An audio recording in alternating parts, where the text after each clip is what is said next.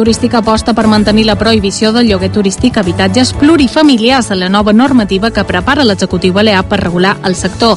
Creuen, a més, que s'han de prendre mesures també en l'àmbit estatal.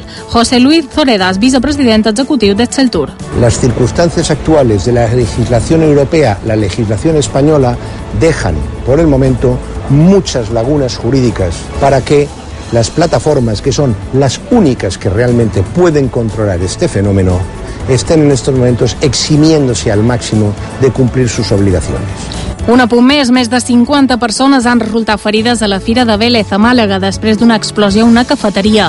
Els ferits han estat traslladats a un centre hospitalari, entre ells hi ha dos policies locals. Sembla que la cuina de gas ha esclatat, tot i que el local havia estat desallotjat minuts abans de l'explosió perquè ja feia olor. Els bombers continuen treballant a aquesta hora per apagar l'incendi.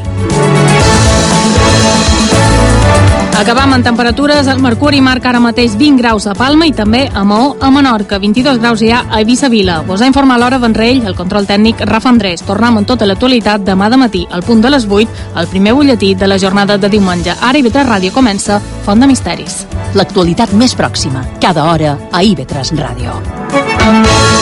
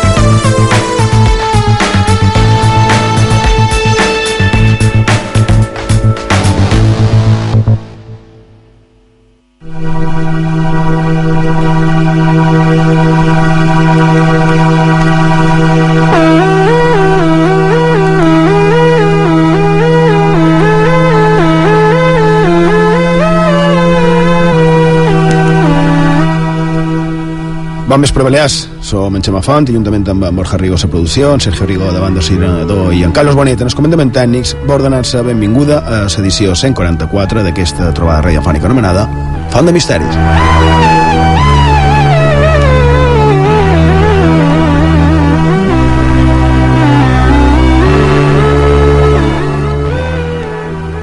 I de tornant-se una setmana més assegut davant dels micròfons d'IV3 Ràdio, la ràdio pública a les Illes Balears, una setmana amb pluges a les nostres illes, tornar a agrair eh, aquest retrobament en, en voltros d'aquesta cinquena temporada, com sempre moltíssimes gràcies, i no farem eh, massa més introducció perquè si no se mos passa el temps massa aviat. Borja Rigo, bon vespre. Bon vespre. Bona, bon començament de temporada, no? Bon començament de temporada i avui un programa que ara ho explicarà en Sergio, però que podria ser, diguéssim, una, una espècie de continuació del que varen fer... Tal vegada sigui un programa captivador.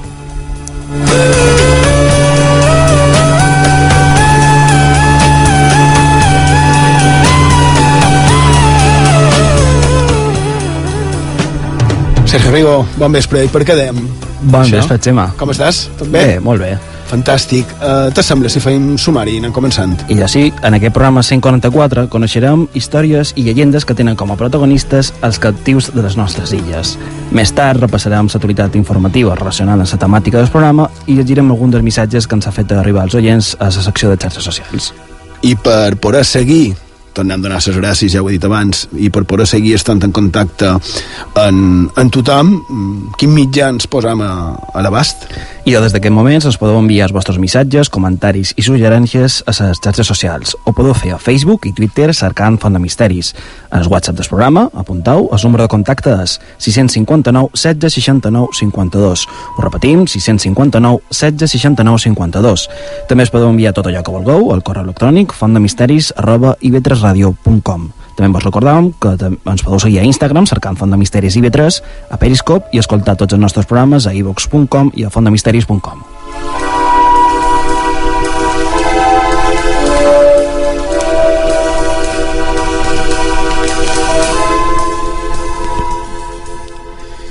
I com deia en Borja ara fa un moment, és una mica una, una continuació, perquè la setmana passada vàrem estar parlant de sordre dels mercedaris, aquella ordre religiosa, també militar, així era el nom, que va ser fundada en el segle XIII baix s'empar del, rei Jaume I i era un ordre que tenia una particularitat i és que es dedicaven a la redempció de captius anaven a cercar els que havien estat fet captius pels moros, així se'ls anomenava, i tractaven d'alliberar-los pagant la seva llibertat en, en sous, en, en dobbers. I si no era suficient, arribaven fins i tot a substituir-se ells mateixos pels homes i dones en els que anaven a alliberar. I clar, quan cercant informació un troba un caramull d'històries, hem pensat avui dedicar el tema principal del programa precisament a parlar d'això, de, de captius. Captius des d'un punt de vista més curiós, més animat i sorprenent, no? misteriós. Captius des del punt de vista de Font de Misteris.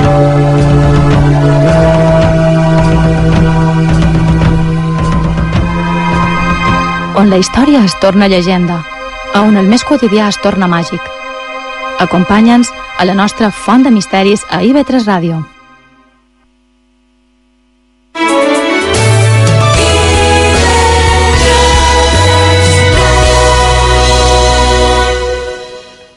L'esport professional, l'esport amateur, l'esport base, tota la informació poliesportiva és Zona Mixta. Joan Fortesa t'informa de tota l'actualitat esportiva a Zona Mixta, de dilluns a divendres a IB3 Ràdio, a la una del migdia. Te convida a connectar a la ràdio pública per saber tot allò que passa al món de l'esport balear. De veres, això és el que més t'agrada. Eh, tant és que ho facis amb passió, desenfrenada, sense amor. Allò que és important és que passis plaer. Quan m'hi pos, és una experiència. Uf. No hi pensis, fes-ho. No apaguis el llum. Dissabte a les 11 del vespre, amb Maria Rigo i Joan Guillem Jaume. A IB3 Ràdio. Seny Maria. Deixa'm un poquet. IB3 Ràdio t'ofereix la millor qualitat de recepció. Sintonitza la ràdio pública de les Illes Balears. A Eivissa i Formentera, 93.7. Misteris i llegendes a Font de Misteris, amb Xema Font.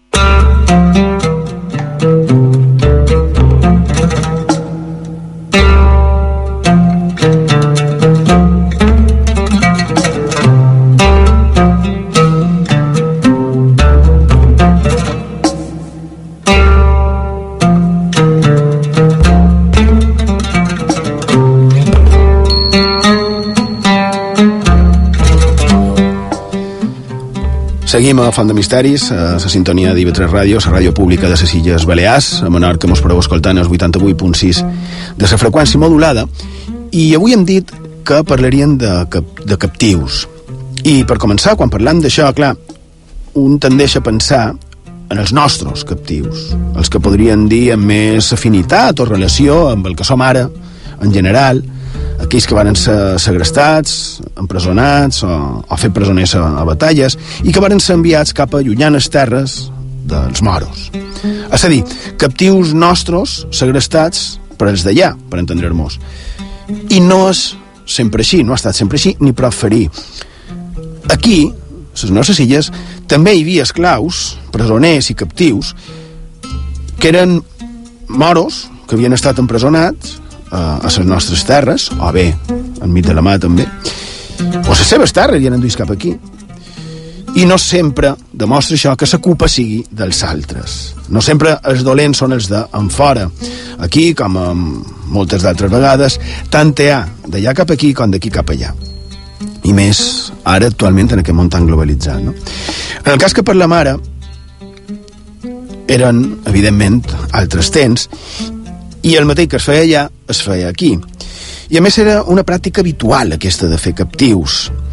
Un exemple de la importància dels captius, dels esclaus i dels presoners, casos que veurem aquí avui, ara un que serà part històrica. Ens diuen que quan el rei Jaume III tractava de recuperar la seva terra, abans de la batalla de Llum Major, on va acabar morint, i davant d'això es va trobar necessitat de reforçar, lògicament, les seves fileres, Estem a octubre de 1349. Les illes baix la corona dragó.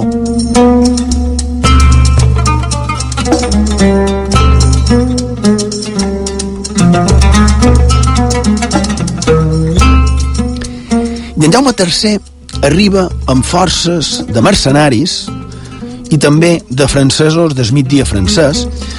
Varen desembarcar al Cúdia, arriben fins a Inca i quan va entrar a Sineu va demanar reforços i diuen les cròniques que només un servent moro i un captiu grec li lloraren fidelitat, veient així una forma d'alliberar-se dels seus amos. És a dir, renunciar a unes creences és a dir, també, ficar-se amb històries que un en circumstàncies normals ni li van ni li venen i això formaria part, des de ben antic, d'una manera de tractar d'alliberar-se, d'aconseguir la llibertat.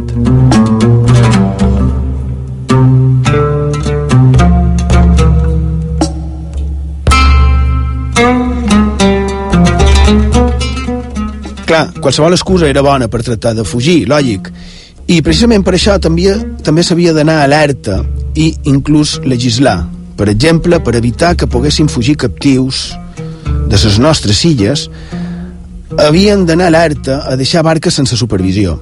El verdader motiu de tractar d'evitar que poguessin fugir, a part de poder perdre la mà d'obra barata, el motiu principal era que si aconseguien fugir podrien tornar i assaltar la costa en reforços, ja que coneixien bé per on entrar i les forces que hi havia aquí, també quins reforços s'havien de dur, quines mancances podien trobar-se. I clar, aquest era l'esperit dels renegats i dels que aconseguien alliberar-se.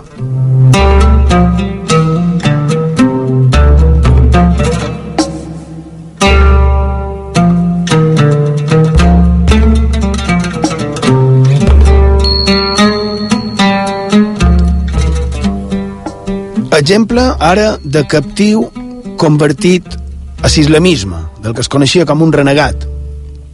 Aquí tenim la Inquisició, la temible Inquisició, i dia 6 de setembre de 1579 va dur a terme un acte de fe a la seu de Mallorca. I dels sis que tenia empresonats, un d'ells era perquè havia estat agafat practicant la pirateria amb morts algerians. I per què va intervenir la Inquisició si era un tribunal eclesiàstic que suposadament només tenia poder per les coses religioses, no? per les coses de la fe? I de perquè resulta que aquest senyor, que era d'origen portuguès, era de, de Porto, es deia Francisco Díaz, i de, va ser captiu per els algerians. Va ser enviat a Àfrica i un picallà, tal i com solia succeir, probablement, com deien, per les condicions sense les que estava, hem de pensar que molts d'aquests captius els tenien en unes condicions inimaginables. Eh? I clar, qualque cosa havien de tractar de fer. De fet, segons el llibre El Tribunal de la Inquisició en Mallorca, Relació de Causes de Fe, d'en Llorenç Pérez i en, i en, en Leonard, en Leonard Montaner, i de, ens diu que aquell home confessó haberlo hecho por haber libertad. I el que va fer, aquest senyor, va ser Siendo captivo en Argel, renegó de nuestra santa fe católica haciendo las ceremonias que los cristianos hacen cuando se vuelven moros. Diu que anava vestit a la turquesca i se consisti, consintió retajar. Això vol dir fer-se la circuncisió. També diu que va fer apostasia i es va convertir a l'islam. Clar, l'aglepeixen quan els turcs trataven d'atacar Andrats. I podeu imaginar, lo primer va ser que per abandonar la fe catòlica, per haver fet apostasia, la Inquisició el va torturar i després, un pic humiliat i torturat, restava, quedava per enviar a galeres. Però no ho feren, no el varen enviar a galeres. I sabeu per què? I de perquè com que havia estat agafat com a pirata, més bé com a corsari, però en aquest cas és el mateix, va ser entregat a la justícia ordinari que el va tornar a fer-li passar ben malament. Així que podem imaginar quina situació tan terrible es podria arribar a donar quan a un el feien presoner, quan un, que simplement era casa seva, i era atacat, segrestat i enviat com a esclau a Àfrica, perquè, clar, si tractava de cercar-se sa vida i facilitar ses coses simplement fent-se dels seus, I de per què fer religiós ja acabaves, si tornaves a la teva terra, acabaves empresonat per l'inquisició i amb moltes possibilitats de ser condemnat i de quina manera no? i si a més anaves amb ell per exemple amb vaixell pirates o corsaris sovint forçat, no per motu propi i de, a més acabaves en mans de la justícia i clar, si no feies res de tot el que han dit acabaves fent feines forçades així que res, vagi com a recordatori no? de tota aquella gent que pateix i que ha patit de manera injusta empresonament i semblants.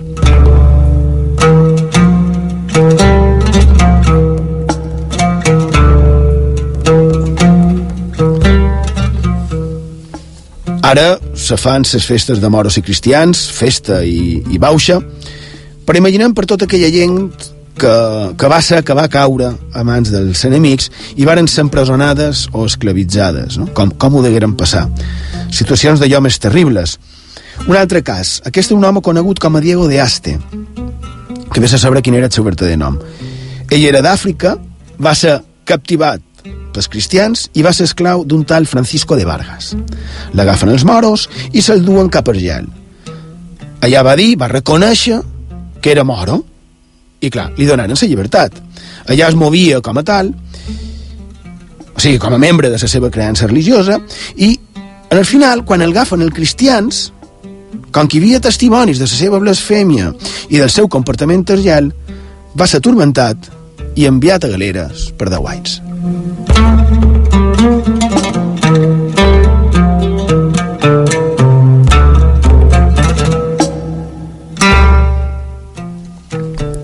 I ara volia contar una història del temps dels... de les creuades, dels creuats. I tal vegada per poder visualitzar temps passats, no? podem aprofitar eh, el cinema, no? que ens serveix per poder-nos fer una idea de com podria ser. De totes maneres, no hem d'oblidar també que el cine és això, cine, no? Però per això, per, per tal d'ajudar a fer-nos una idea, el nostre expert en cinematografia, en Xisco García Antolí, ens parla d'una història damunt d'aquest tema, de la mateixa època del que contarem a continuació i que també serà una història d'allò més increïble i sorprenent. Anem amb en Xisco i els creuats. Xema, Borja, Sergio, jo de vosaltres em faria un costat a l'estudi perquè està a punt d'entrar per la porta l'ego d'un dels directors de Hollywood amb més caràcter i que no en tenia el cinema sinó com a grans superproduccions.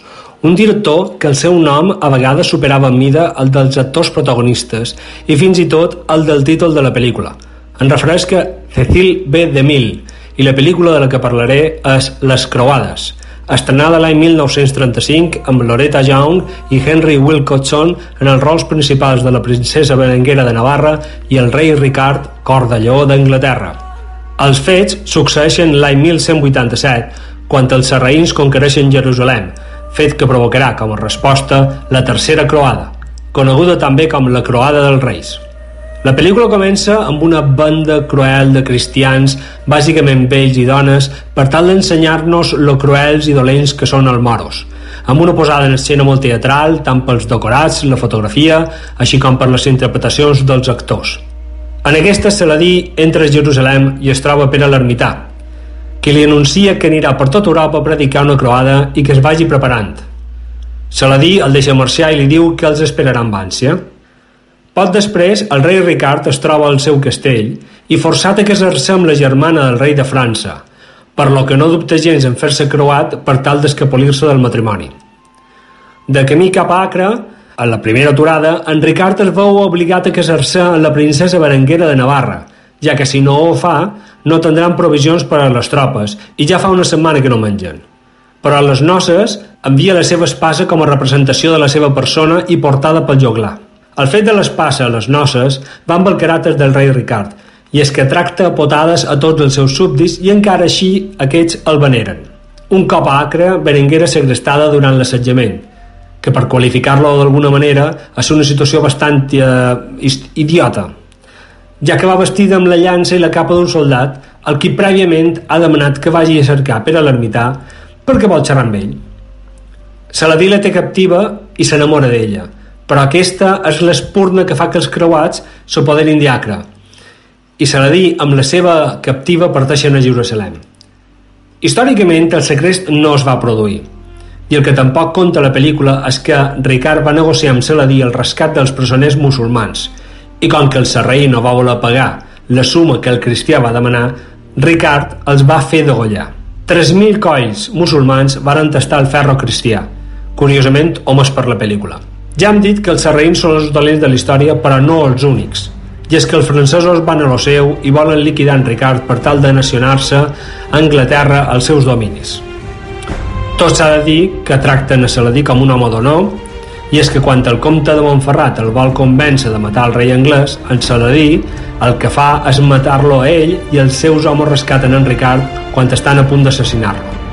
Al final, el trio Berenguera, Saladí i Ricard fan una crida a la pau treta de la màniga com a cloenda en la que Ricard, com a senyal de rompre el seu matrimoni amb Berenguera, espanya l'espasa que el joglar va portar al casament i així ella es pot quedar amb Saladí, que és el gran sacrifici que Berenguera farà per a que els cristians puguin entrar a Jerusalem. Total, que els presoners cristians són alliberats i són rebuts per un cor de creuats amb una cançó motiva i fins i tot Saladí alliberen a Berenguera per a que torni amb el seu amat Ricard i al final sigui sota un sol lluminós i música apoteòsica. Bé, això és el que he entès de la pel·lícula que he hagut de veure en versió original i subtítols en eslovac i és que que un no faci per fan de misteris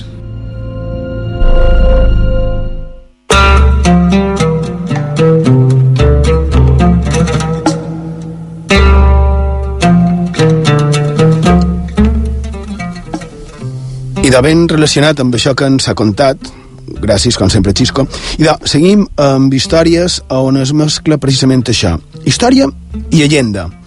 Aquesta és molt curiosa i la veritat és que no se sap ben bé fins a on arriba la part llegendària i fins a on la part històrica.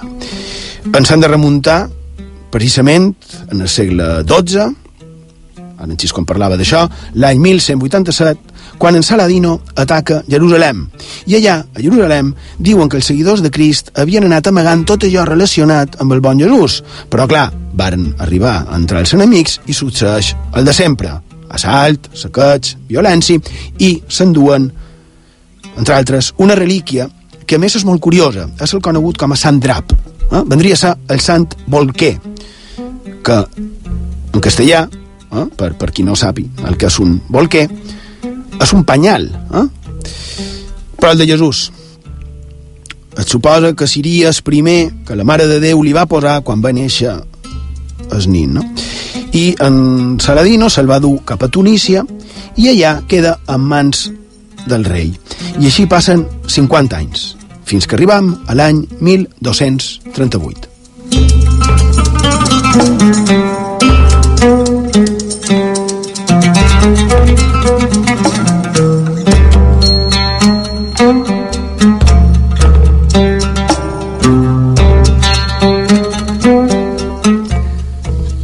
L'any 1238, les Balears ja eren en mans d'en de, Jaume I i, i va ser l'any que va caure València. No?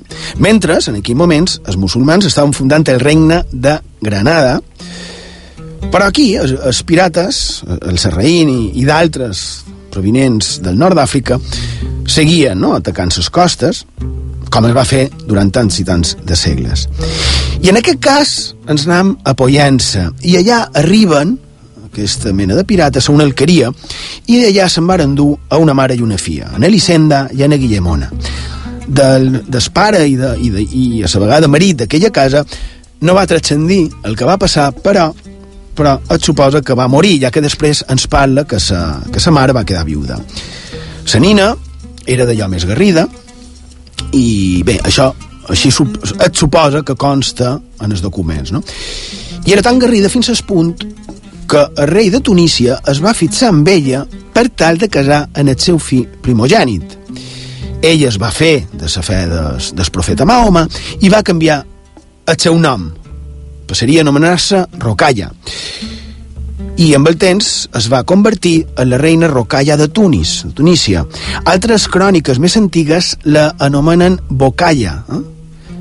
Però, en qualsevol cas, el que sí sembla és que el seu home era l'home més poderós de Tunísia i que a més era el comandador dels creients.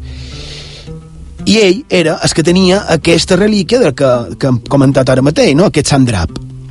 I ell, ben enamorat, un dia li mostra a la seva estimada, a la seva dona, a sa, en aquesta reina rocalla, aquella joia de la cristiandat. A tot això, sa mare, que se sap viuda, com que era sa mare de la reina i es podia moure en total llibertat, es va casar amb un home, amb un, ricader, amb un ric mercader lleidatà, que es deia Arnau de Solsona. I junts parteixen cap a Lleida. Per al que ningú no sabia ni sospitaven és que la reina Pollancina de Tunísia li havia donat d'amagat a la seva mare la relíquia que ella havia pres i sa mare se l'envia duita cap a Lleida.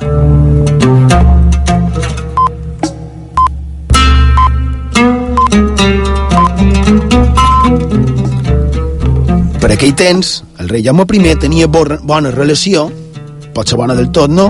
Però el Manco sí que tenia relacions comercials, encara que ara ens pugui sorprendre, més que res perquè els havia pres en els musulmans els, seu, els seus territoris de per aquí, i aquell mateix any va, va prendre-los Valenci, però tenia relació amb el de Tunísia. I des d'allà li diuen en el nostre rei que sospiten que aquell mercader, que han dit abans, Arnau de Solsona, se pot haver duit la relíquia que era d'ell, del rei de Tunísia, i que volia que li tornessin.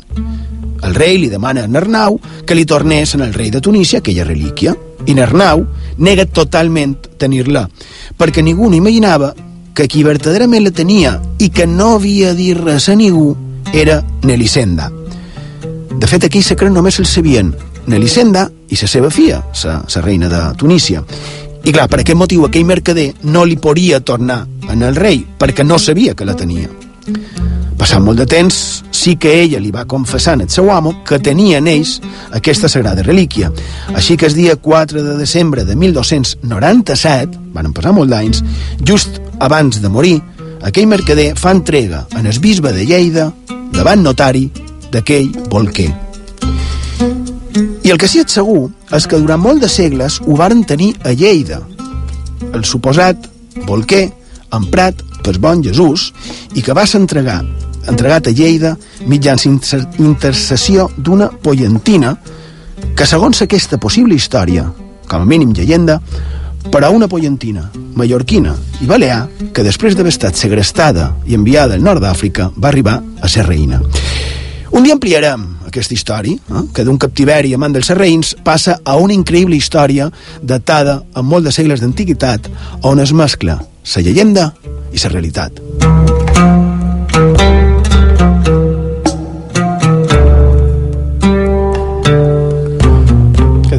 Bé, i ara després d'aquesta història francament fascinant... Que ho és, és sorprenent. El Drap, ni més ni manco. Exactament. Set segles i un poc més després, eh, on ha quedat aquesta relíquia? I de... Mira, abans hem parlat de saquejos i de violència i tal, i de no se sap on està, arrel de la Guerra Civil Espanyola, eh, el tenien a Lleida, a Lleida, estava exposat a Lleida i va desaparèixer. L'únic que ha quedat han estat un parell de fils, que els tenen com, imagina't, no? com, com el més sagrat, però el Sant Drap aquest no, no se sap uh, a bones, malauradament s'ha perdut, i és una pena perquè tal vegada en, en proves diverses se podria a lo millor tal vegada de, haver datat, no? Però, però és vera que és una, una història. Tu la coneixies, aquesta història, Sergio? Yeah, primera notícia. I haurem d'ampliar-la perquè hi ha, hi ha bastantes cròniques que parlen d'això.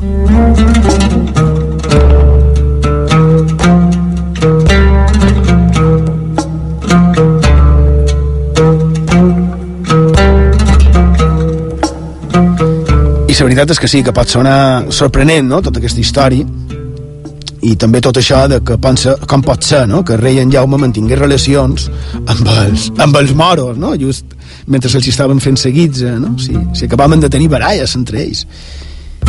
I de, clar, tot això és perquè també això, hi havia... cert, és un tema en el qual no podem profunditzar avui per, per manca de temps. No, i tant.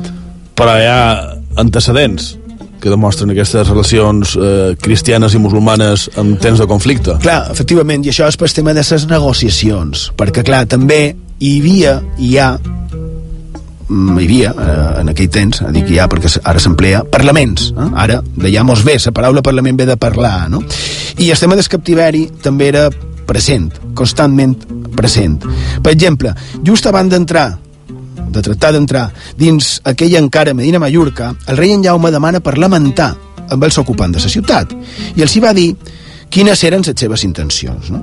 I el rei de Mallorca, així l'anomenaven Jaume I a la seva crònica, i el rei de Mallorca va dir en el seu poble, això està estret del llibre dels fets, i diu Barons, bé sabeu vosaltres que aquesta terra ha tingut Miramolí durant més de cent anys i volgué que jo fos senyor de vosaltres i l'ha tingut a pesar dels cristians que mai no han gossat, fins ara, atacar aquesta terra. I aquí tenim les nostres mullers i les nostres filles i els nostres parents i ells ara ens diuen que els deixem la terra i de tal manera que esdevindrem els seus captius. I encara ens diuen una cosa pitjor, a part del captiveri que ens guardaran les nostres mullers i guardaran el que entreguin, i una vegada estiguin en poder seu, les forçaran i en faran tot el que voldran. I jo, que he vingut aquí entre vosaltres, m'estimaria més haver perdut el cap que acceptar contra la nostra llei una cosa tan cruel. Però vull saber què us en sembla a vosaltres, que me'n digueu el vostre pare. I tot el poble cridà una sola veu, i digueren que més s'estimaven morir que patir una vergonya tan gran com seria aquesta. És a dir, queda palès que el rei en Jaume tenia ben clar del tot el que faria. Així li va fer saber en el rei. Aquesta, mm, aquest text era dit pel rei de Medina Mallorca. Queda palès que el rei en Jaume tenia ben clar això, i els altres tampoc els hi va estranyar. Per això deia abans que tant hi ha d'aquí i allà com d'allà aquí, i que més o manco tots eren una mica semblants, no? La pena és que a dia d'avui aquest tema encara no, no sembla superat, no? no tan sols això, sinó que a vegades dona la impressió de que es torna a posar d'actualitat. No? Tant de segles d'història per no res. I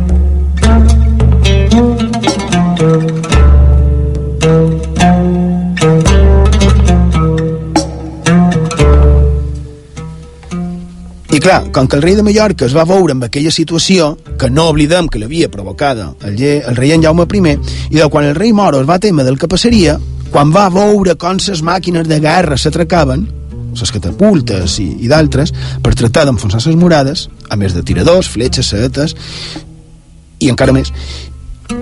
I també les mines, no? que sabien que s'estaven fent, i de tot això afegit més a les paraules del invasor, varen fer que el rei Moro agafessin els cristians que hi havia dins la ciutat, dada també sorprenent, perquè sembla segur que hi havia cristians dins Medina Mallorca, i dels varen agafar, els convertiren en presoners i el varen emprar com escuts humans. Es varen penjar en creus a ses murades per tal d'evitar l'atac imminent dels que havien acabat d'amenaçar la ciutat.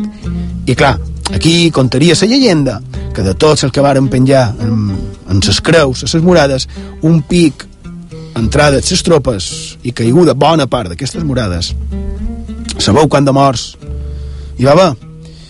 I de cap ni un. I per què, Borja Rigó?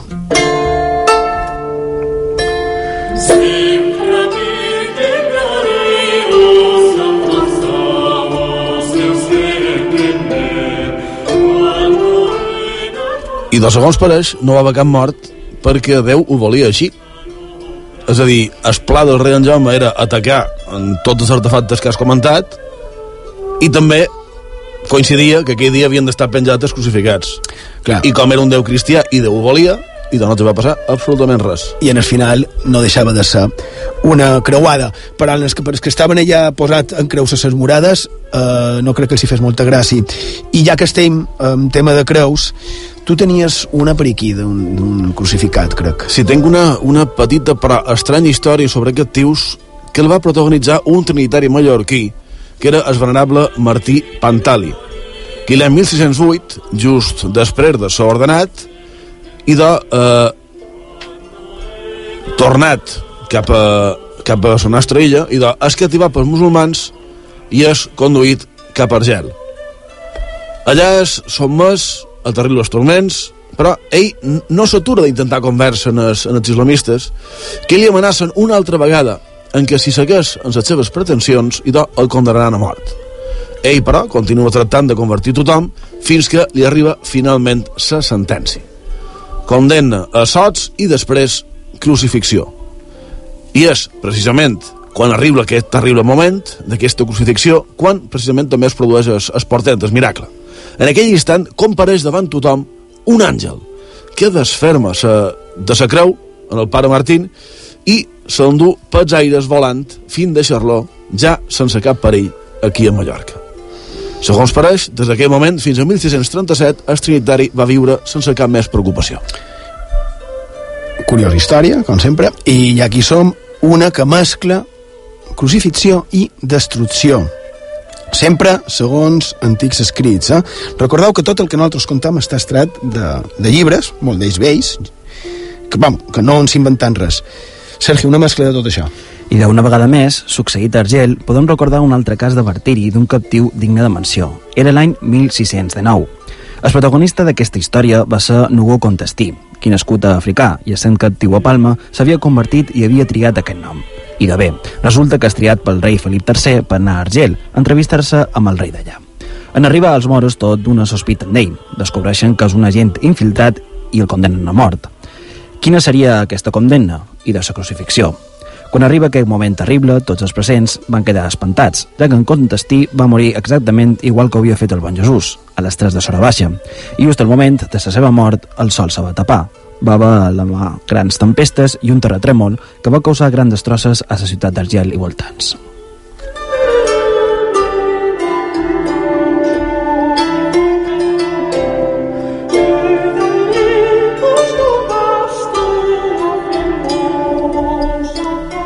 Ja que estem amb captius i a ses nostre un programa de misteris, una altra història real, l'hem de considerar verídica perquè consta així en el arxiu de la Inquisició i ens parla d'una dona, ibicenca, de professió costurera, de 35 anys, any 1606, i ella s'anomenava Esperança Dolça, curiós ja el nom en, si el relacionem amb el, amb el que feia. Segons la crònica consultada, aquesta senyora tenia la facultat mitjans espeumes i oracions la facultat de saber si persones absents eren vives o mortes, o bé, si eren lliures o captives. I també tenia la capacitat de fer anar una persona mitjans fetilleria on ella volgués. També tenia fetilleries d'enamorar, i també, aquesta més perillosa eh, i terrible, els testimonis asseguraven que la dicha rea había hecho morir unos niños con hechizos por cierta enemistad que tenía con sus padres. Clar, a partir d'aquí, la cosa simpàtica i innocent de fer màgia amb espeumes queda de banda. Eh? Una cosa no lleva l'altra. Però anem amb el que ens interessava a nosaltres.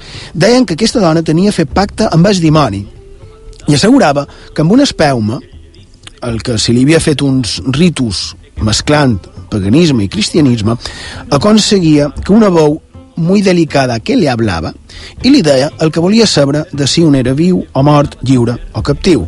I així tenim el cas d'una a la que li va dir que el seu amo, que havia sortit com a corsari, havia estat fet captiu per haver Sicília. Així ho deien els testimonis. I a més es va corroborar, no? I com que havia mesclat ritus catòlics i d'altres, va ser condemnada, entre d'altres, a cent assots.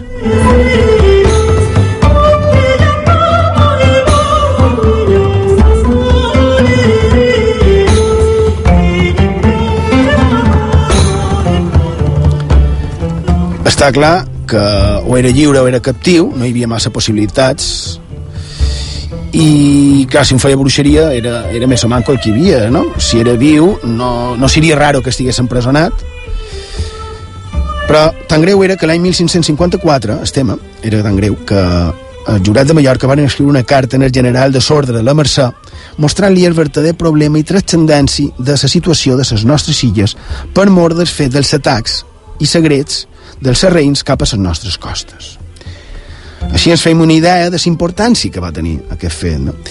Diu, la major part dels captius cristians que són en Alger són naturals del present regne o domiciliats en aquell lo qual, per a ser illa, no mos pot excusar de la navegació i així cada dia són captivades diverses persones, les quals, per ser miserables i pobres mariners, no tenen facultat de poder-se quitar i així ha molts d'anys que estan en miserable captiveri.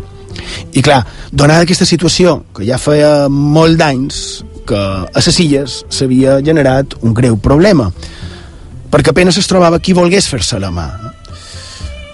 Mm, de, de tant de, de pescadors, de mariners que havien estat fet presoners, i clar, quan demanaven tant com a rescat, no hi havia d'obver ni mitjans suficients per alliberar-los.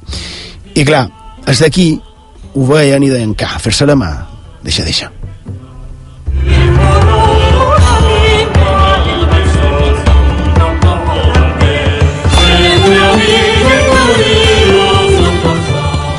I més si tenim en compte que la població sabia, coneixia el que li podria passar o el que li passaria si érem fet captius, no? Això és així, no, Borja? Eh, sí, a més, si tenint en compte això, que la població eh, sabia, coneixia el que els hi podia passar. Però què era el que, el que els hi passava? I de, un exemple, certament terrible, eh, de com eren les execucions de, de captius en aquells dies, lo trobam, per exemple, en el llibre Memòria per a servir a la vida eclesiàstica, el volum segon d'en Furió, publicat l'any 1220, i allà trobam, per exemple, la història d'en Jaume Pujol, martiritzat l'any 1564. I com va succeir? I don Jaume era un mariner certament valuós que havia causat gran mals entre els pirates de Barbaria. A més, quan l'agafen, justament per aquelles, per aquelles terres corria una història que més era falsa i que deia que a Mallorca havien cremat viu a un renegat venecià que havia vengut a saquejar tot quan pogués. I clar, si aquí n'havien cremat un, Argel no podien ser manco i també van demanar pena de mort per foguera per Pujol. En primer lloc, el rei d'Argel va provar que el tancassin a uns banys eh, plens de gent i format eh, de per tot amb gruixudes cadenes.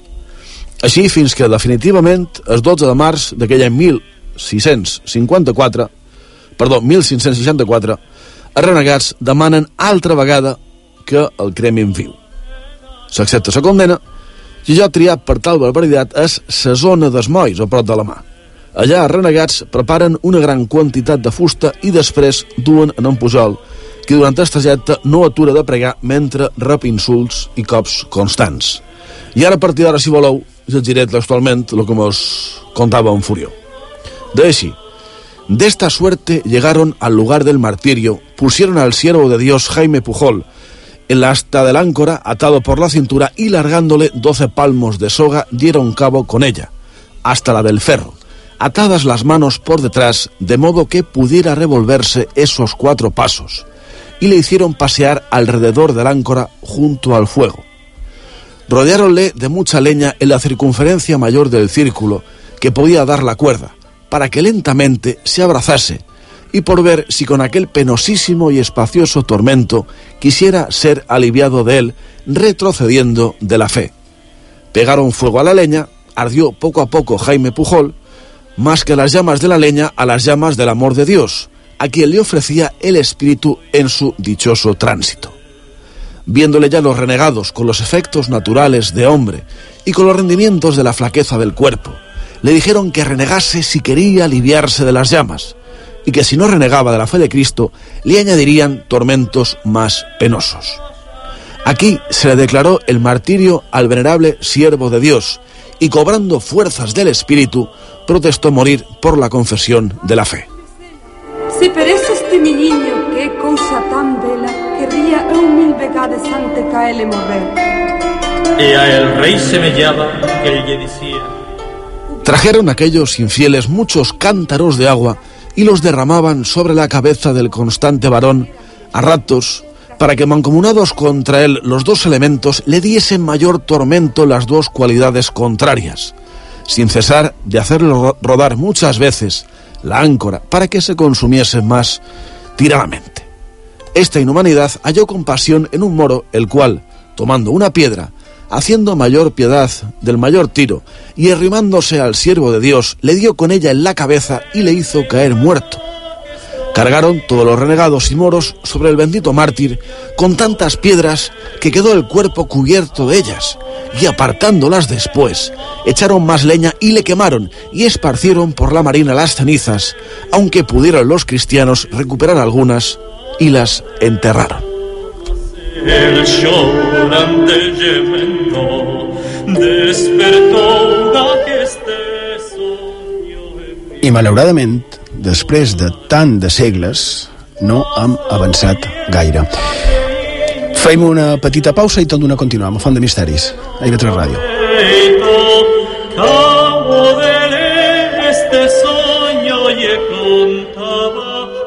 A IB3 Ràdio, Font de Misteris, amb Xema Font.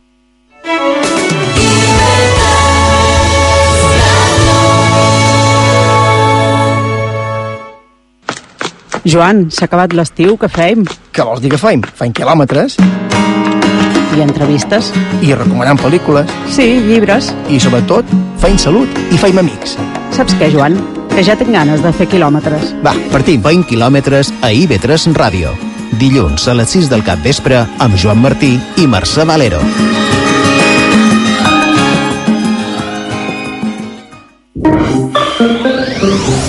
Arriba a ib3musica.com Tots els continguts musicals d'IB3 Ràdio al teu abast.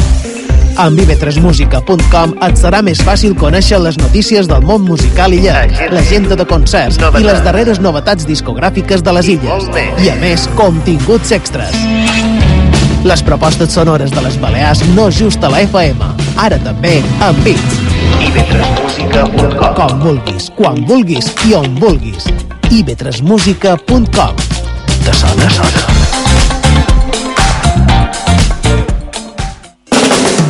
IB3 Ràdio t'ofereix la millor qualitat de recepció. Sintonitza la ràdio pública de les Illes Balears. Alcúdia 89.2 Misteris i llegendes a Font de Misteris, amb Xema Font.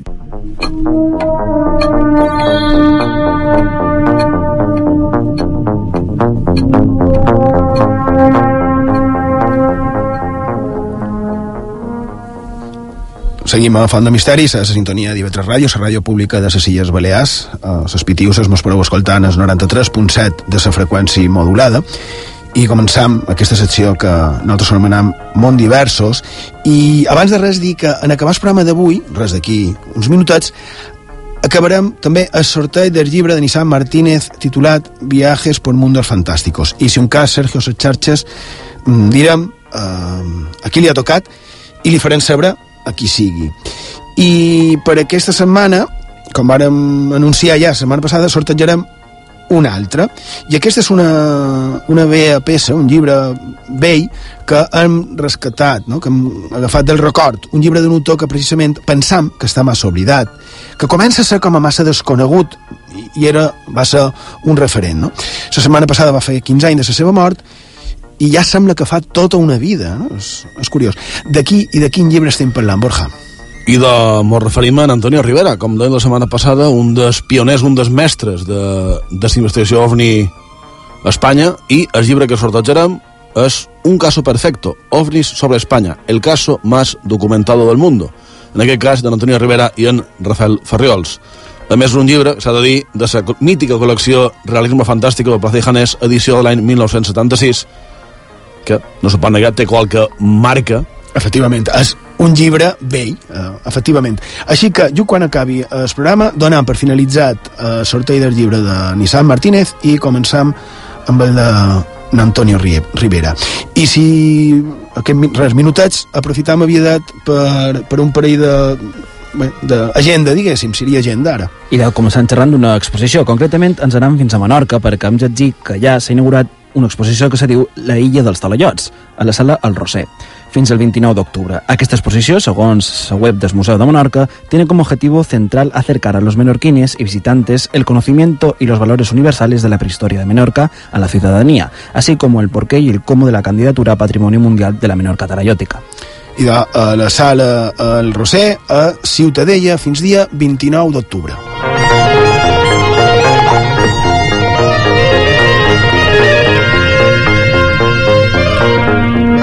Seguim amb un tema més o manco semblant i que també ens serveix per, per donar difusió, no? per, per fer arribar a tothom l'importància del que tenim a Menorca. A, a veurem si ho sabrem valorar com es mereix, no? Sí, seguim a Menorca perquè el diari menorca.info hem conegut que Menorca anfitriona de la 16 edición del Congreso de Piedra Seca. Ciutadella será sede de la 16 edición del Congreso Internacional de Piedra Seca, dedicado a la construcción con este método tradicional y en el caso de Menorca es elemento característico de su paisaje. Bé, i això se va celebrar el darrer congrés d'aquest tipus a, a Grècia i això és, encara queda temps, eh, és per el 2018 i està en preparació, però ja ho han anunciat. L'Ajuntament de, de Ciutadella aquesta, aquesta mateixa setmana ho ha anunciat i pensam que, que serà un esdeveniment mm, molt interessant.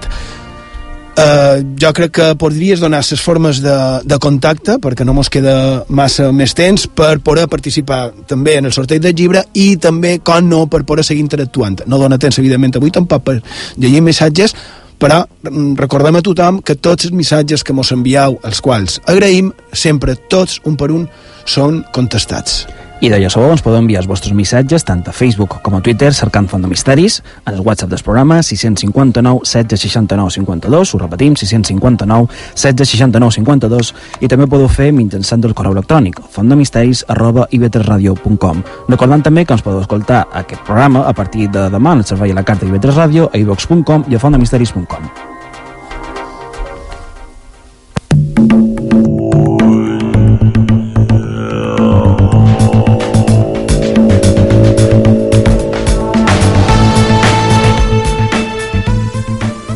I hem arribat a la fi del programa d'avui i esperem que heu passat una estona agradable i que hagueu pogut treure qualque cosa a profit d'aquesta font de misteris. Font de misteris dedicada a històries de, de presoners, històries de captius, històries de persones que s'han pensat que han estat superiors o més poderoses que d'altres i han capacitat de disposar de ses vides alienes. Hem vist avui que al llarg de la història ha estat així, no? Des de Jaume I dient-li els serraïns que per aquestes terres vivien, com els mateixos serraïns, no? per exemple, mitjans del segle XVI, que van dur-se captius d'haver la meitat de la població menorquina, ho podem imaginar, no? la meitat de la població menorquina segrestada. I ens feim una idea de quantes vegades pot haver passat al llarg del temps i segueix passant. No? Quantes vegades hi ha hagut i encara hi ha gent que creu que pot dominar un altre, que pot fer que un altre perdi la seva identitat, com pot abusar d'un poder realment inexistent i el mal que pot arribar a fer. I, evidentment, ara estic parlant també metafòricament. Ara faig referència als abusos que es produeixen a la nostra civilització, suposadament tan moderna i tan avançada, on encara veiem massa casos de com normalment són homes, i massa sovint joves, que traten de llevar-li la voluntat i la llibertat a persones del seu voltant, aprofitant-se de la seva autocreguda superioritat.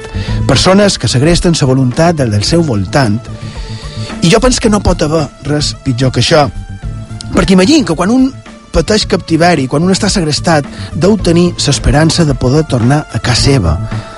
Però, i quan aquest empresonament és dins la teva pròpia casa? I quan és en el propi nucli familiar que passa això i quan és un que abusa dels seus propis familiars i doncs no deu haver cap captiveri més horrible. Per això avui, a les utopies de gairebé la mitjanit del dissabte i de tres ràdio volem imaginar que aquells que creuen que poden ser superiors als altres es comencin a donar de que això no va així que no és possible que les seves insuficiències i les seves ineptituds i, i també les seves incapacitats són només el seu problema i que quan un abusa d'un altre o tracta d'eclipsar-lo i no deixa viure el de devora a part del que pensam i que no direm per no dir paraules malsonants, i de, a més de tot això, és delicte. Així que si tu no t'adones, ja ho farà la justícia. Recordem el telèfon gratuït i anònim, 016. I a tu, que et sent vivint un segrest, no ho dubtis, telefona i allibera't. De qualque cosa ha d'haver servit haver arribat a una suposada civilització avançada. Així que no ho toleris. I avui, per acomiadar-nos, hem triat una cançó popular que mescla precisament això, l'amor, el verdader amor, eh? la crueltat, la llegenda i la història. De la mà dels Vicens Uc, la presó de Nàpols. Hagi pau, bona nit, gràcies per la vostra companyia i fins la setmana que ve. ciutat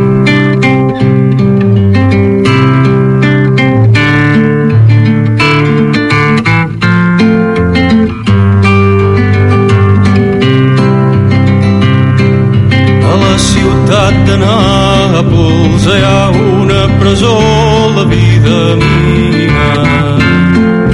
Hi ha una presó, la vida mia, amor. Hi ha 29 presos que canten la cançó, la vida mia.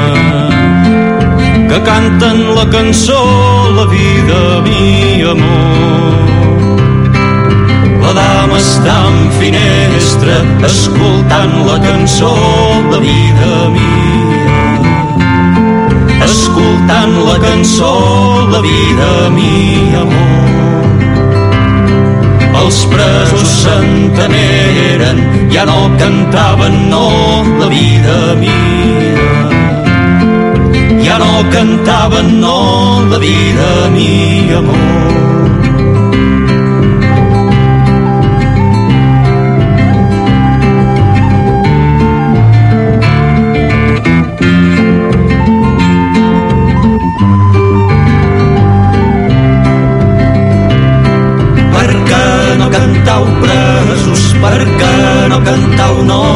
Vida mia. Perquè no cantau no la vida mia amor?